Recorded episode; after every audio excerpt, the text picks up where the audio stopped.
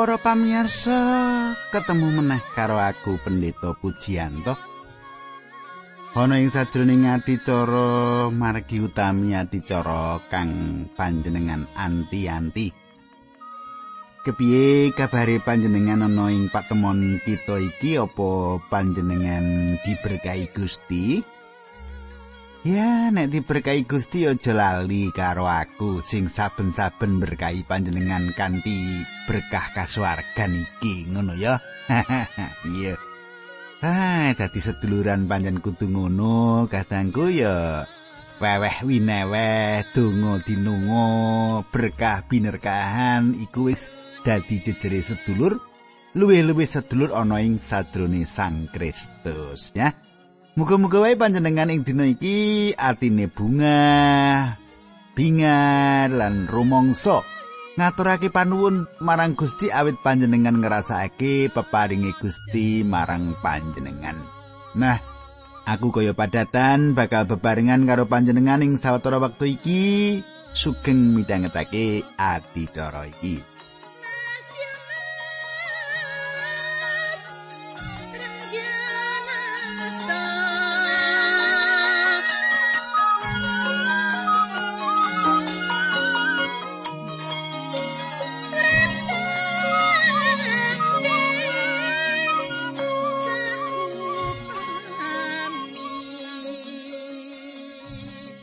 Katanggu kang dak tresnani aku bakal ngaturake karo panjenengan. Ya kuwi apa sing wis ndak aturake panjenengan ing patemon kita kepungkur. Kenapa asring tak beleni setitik supaya panjenengan paling ora kelingan? Apa sing tak aturake lan iku dadi catatan ing batin manah panjenengan? Lan pangandikan iku dadi cekelan ing urip panjenengan? Awit nek panjenengan urip ning alam donya iki ora dicekelan sing teguh sing kuat mula panjenengan bakal katut kenyet ombya ing jaket kang bakal tundone nyengsarakake panjenengan. Nah, ing patemon kita kepungkur, kita wis ngekilut yen kabeh pangadilane jagat wis dipasrahake Allah Sang Rama marang Gusti Yesus Kristus. Mengkono ya. Nah, saiki arep tak terusake. Nanging sadurunge tak terusake kita becik menawa nyuwun tuntunane Gusti dhisik. Ayo kita ndedonga. Duh Kanjeng Rama ingkang ada dampar wonten kratoning kasuwargan. Kawula ngaturaken gunging panuwun ingkang tanpa upami ing wekdal menika kawula saged sambat sebut wonten ing asmanipun Gusti Yesus dumateng paduka. Menika satunggalipun nugroho ingkang boten kantenan. Lan kawula matur nuwun dumateng paduka lan ing wanci menika kawula anggeglut kayekten ingkang saking paduka. Linambaran asmanipun Gusti Yesus Kristus kawula ndedonga haleluya amin.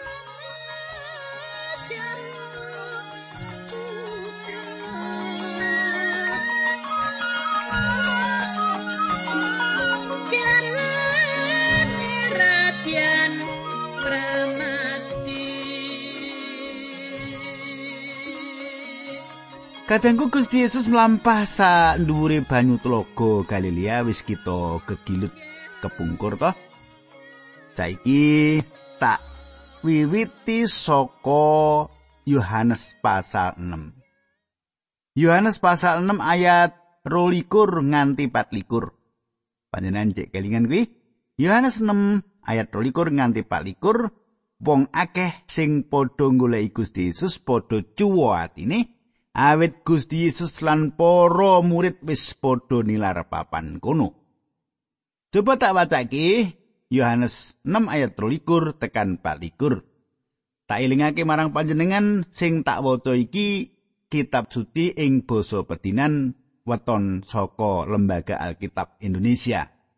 Awit saka iki isine padha ning tata bahasane mbok menawa ora padha luwih gampang dingerteni basa pedinan iki tinimbang basa sing standar ya.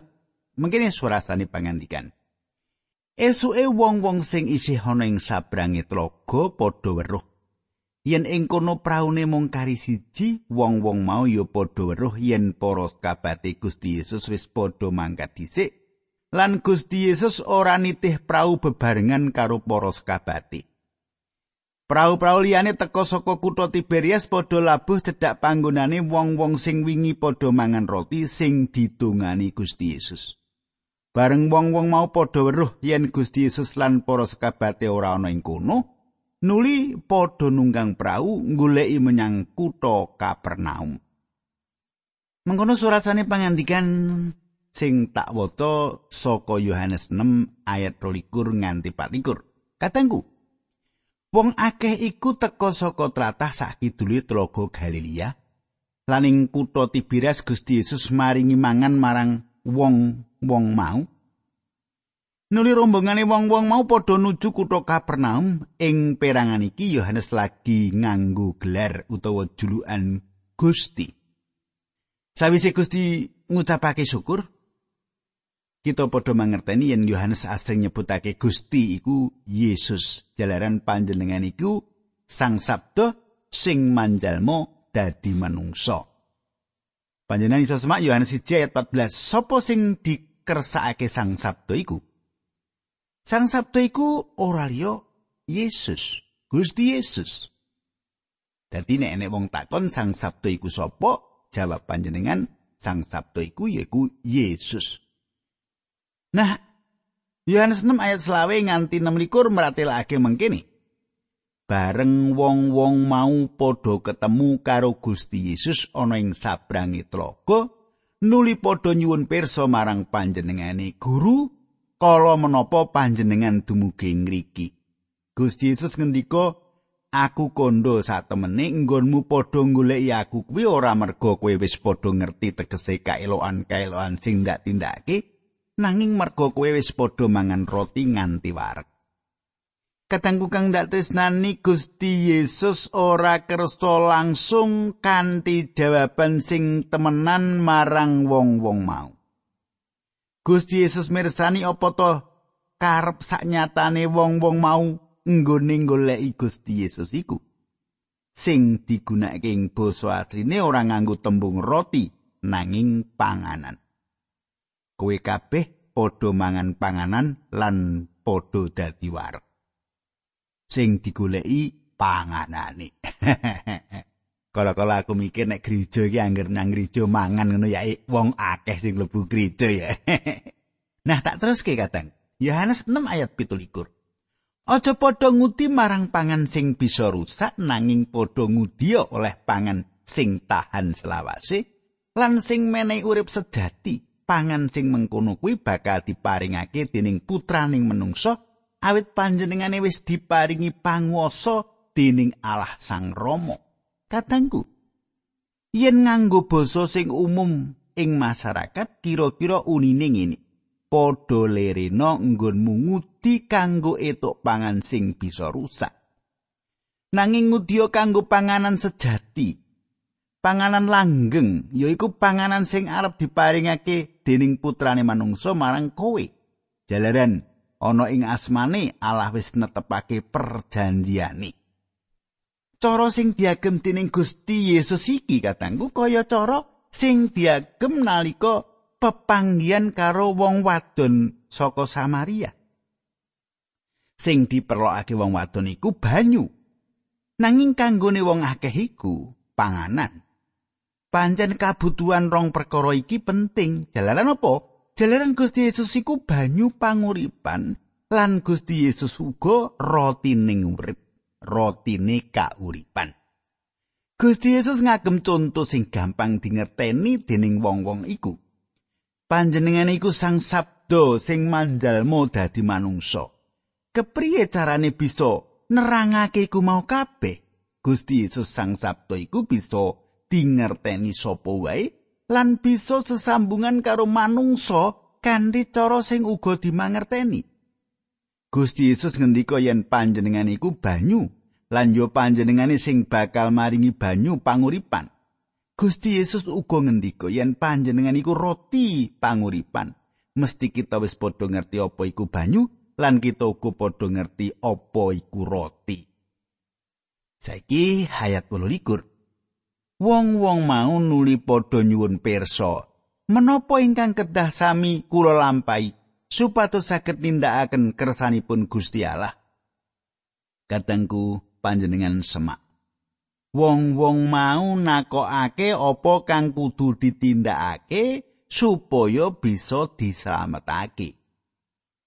Manungsa duwe anggepan yen dheweke yen manungsa iku bisa nindakake samubarang kang bisa dadi jalaran dheweke bisa nampani slamet.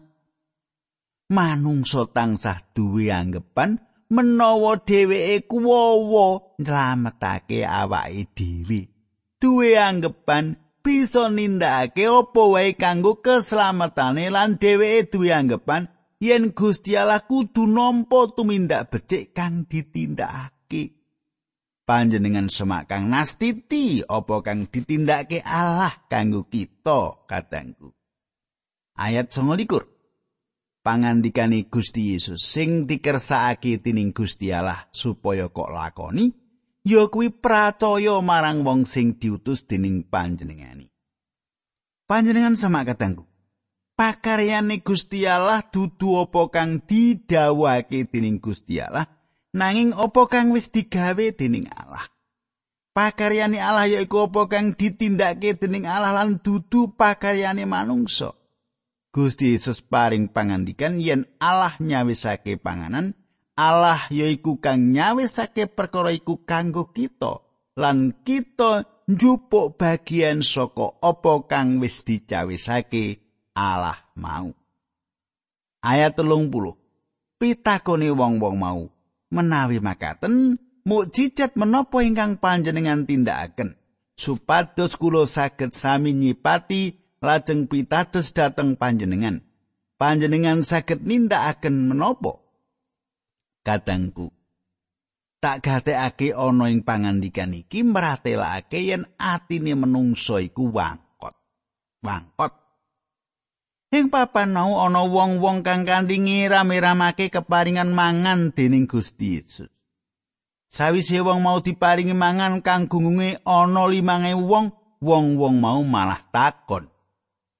menawi makaten mukjizat menapa ingkang panjenengan tindakaken supados kula saged sami nyipati lajeng pitados dhateng panjenengan panjenengan saged nindakaken menapa kanthi tembung liya wong-wong mau babar pisan ora gelem pracaya Yohanes 6 ayat 31 nganti 33 mengkene surat Para leluhur kula sami nedha mana wonten ing ora samun kados ingkang kasrat ing kitab suci.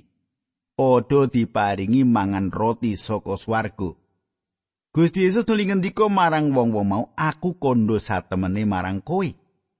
Roti sing diparingake dening Nabi Musa kuwi roti saka swarga. Sing maringi roti sejati saka swarga marang kowe kabeh kuwi ramaku. Awit roti sing diparingake dening Gusti Allah ya kuwi putrane Allah sing tumedhak saka swarga sarta sing maringi urip sejati marang jagat. Kadangku. Nyemak pangandikan iki wong-wong mau isih duwe pikiran panganan kang asipat kadasmanen. Sejatine dudu Musa kang paring mana marang wong-wong mau, kang paring kabeh iku Gusti Allah. Gusti Allah kang paring mangan mana marang wong-wong mau saben dina saksuwene patang puluh taun. Wong-wong mau kepingin diparingi mangan lan yo pancen iku kang wong-wong mau goleki. Mana meneh urip ing dina iku lan mana iku peparingi Allah. Mana meneh urip secara kajasmanen marang wong-wong mau menalika wong-wong mau ana ing ora samun. Nanging Gusti Yesus paring urip kang asipat kasukman. ramaku kang paring roti kang sejati saka swarga. Ayat telung puluh papat. Ature wong-wong mau guru. Kula mugi panjenengan paringi roti menika ing selaminipun. Kadangku. Wong-wong mau kaya wong wadon kang ana ing pinggire sumur kang nyuwun banyu. Nanging wong wadon mau pikirane mung kang ana gegayutani karo panganan kang asipat kadas manen. Tujuane yaiku supaya ora susah njupuk banyu menyang sumur iku meneh. Gusti mbutuhake wektu kanggo mbukak pikirane wong madon mau saka sumur iku marang banyu kang asipat kasukman. Gusti uga mbutuhake wektu wektu kanggo nuntun wong akeh iku supaya wiwit ngatekake marang roti kang urip, roti kauripan secara kasukman kang paring urip kasukman marang dheweke. Ayat 35 pangandikane Gusti Yesus. Aku iki roti sing nguripi, sing sapa marani aku ora bakal luwih meneh lan wong sing percaya marang aku ora bakal ngelak maneh. Kadangku Gusti Yesus andadekake siji antarane roti kauripan karo mana. Sang Kristus yaiku mana kuwi. Panjenengane kuwi kang tumurun saka kasuwargan lan maringi uripe kanggo jagat supaya kita bisa duwe urip. Yaiku kang diwestani keselamatan. Kita uga bakal ndeleng Gusti Yesus yaiku roti lan kita kudu mangan roti iku terus nganti kita bisa tuwuh secara kasukman, secara karohanen. Ayat 36 lan 37. Kowe wis padha ndak kandhani, senajan kowe wis padha ndeleng aku, ewa semono kowe padha ora percaya. Kabeh wong sing diparingake dening Sang Rama marang aku, kuwi bakal padha marani aku. Aku ora bakal nampik sapa wae sing marani aku. Kadangku, Ing ayat 37 iki sawijining ayat kang banget dening penting. Penting banget. Ana bebantan kang panas sing jaman iki gegayutan pilihan utawa kekarepan kang merdika, kehendak bebas. Ana sawetara wong kang kanthi golong gilik ngiyakini teologi pemilihan, ya teologi pilihan. Ana uga wong-wong liya kang kanthi golong gilik nyengkuyung teologi pepinginan bebas utawa kehendak bebas. Doktrin utawa ajaran pemilihan lan kekarepan kang bebas. Loro-lorone ana ing sajroning ayat kang mangkene unini. Kabeh kang diparingake Rama marang aku bakal marani aku. Ayat iki nyetakake bab teologi pemilihan iki.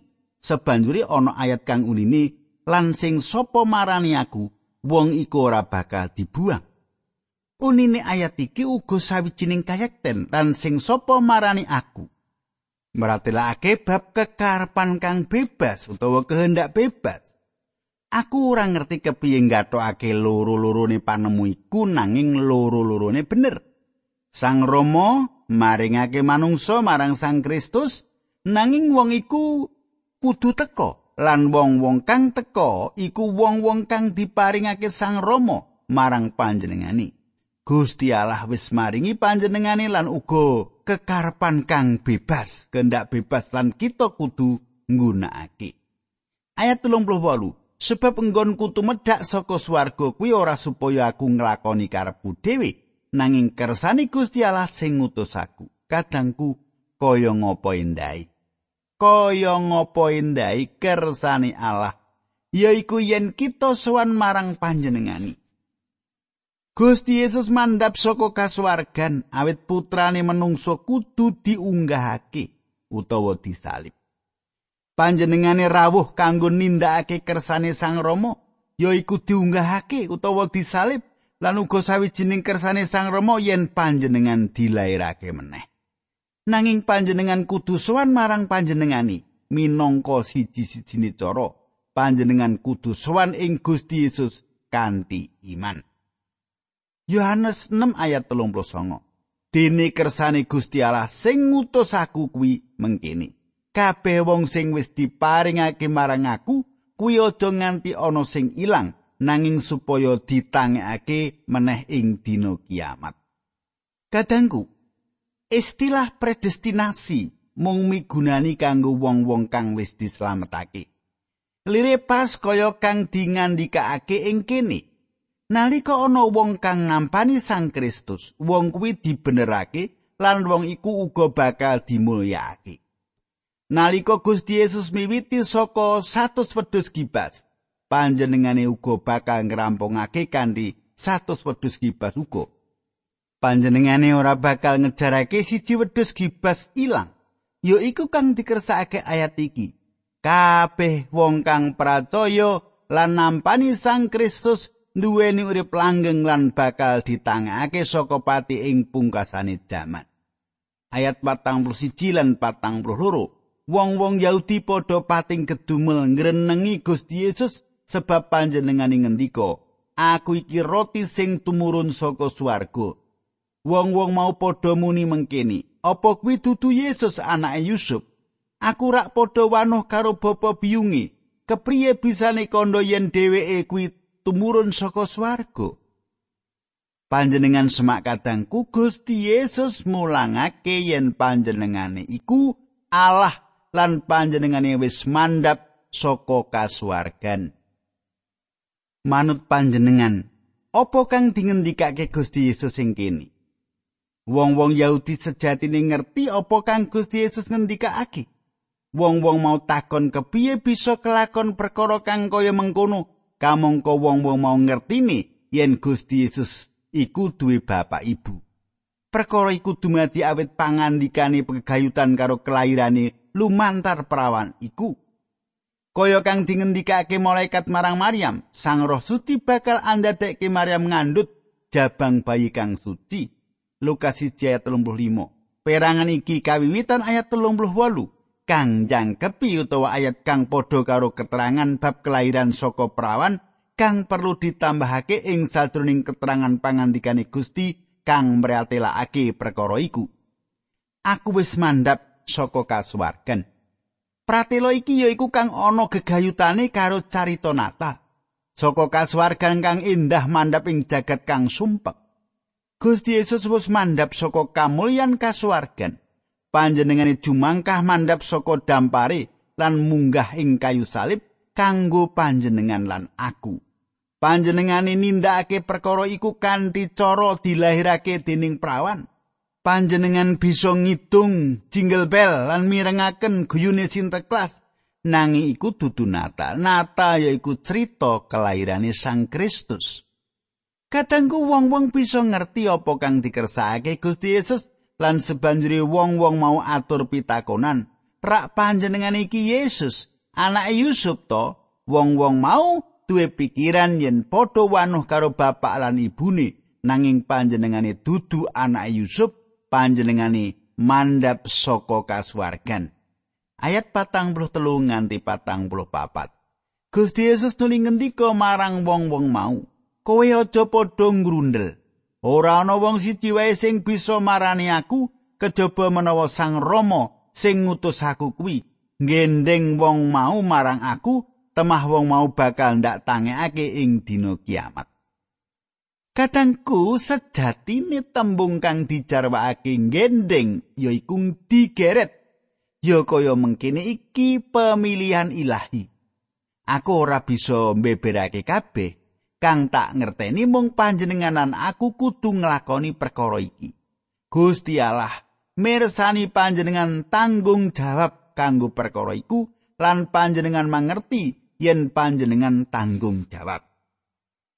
panjenengan mengerti yen saiki iki panjenengan bisa sowan utawa ora marang panjenengani perkara iku gumantung marang panjenengan Yohanes 6 ayat 45 Ing kitabe para nabi ana tulisan mengkini wong kabeh bakal diulang dening Gusti Allah mulane sakabeh wong sing wis padha ngrungokake lan sing nampani piwulang saka Sang Rama mau bakal marani aku Kadangku ana ayat akeh ing perjanjian lawas kang nyetakake perkara iki.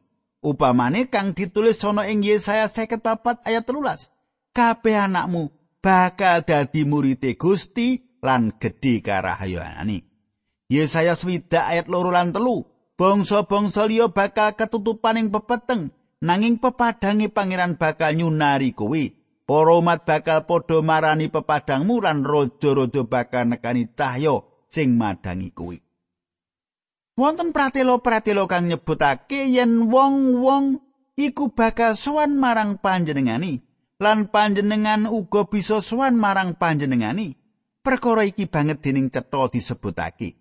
Kabeh wong kang krungu Sang Rama lan sinau saka panjenengani bakal sowan marang panjenengani ya mengkono iku kang dingendikake Gusti Yesus. Menawa panjenengan mirengake pangandikane Gusti, mula panjenengan bakal sowan marang Sang Kristus ya kaya mengkono iku kang ditegasake ing ayat iku Yohanes 6 ayat 46 nganti 47 kuwi ora teges yen wis ana wong sing tau weruh marang Sang Rama.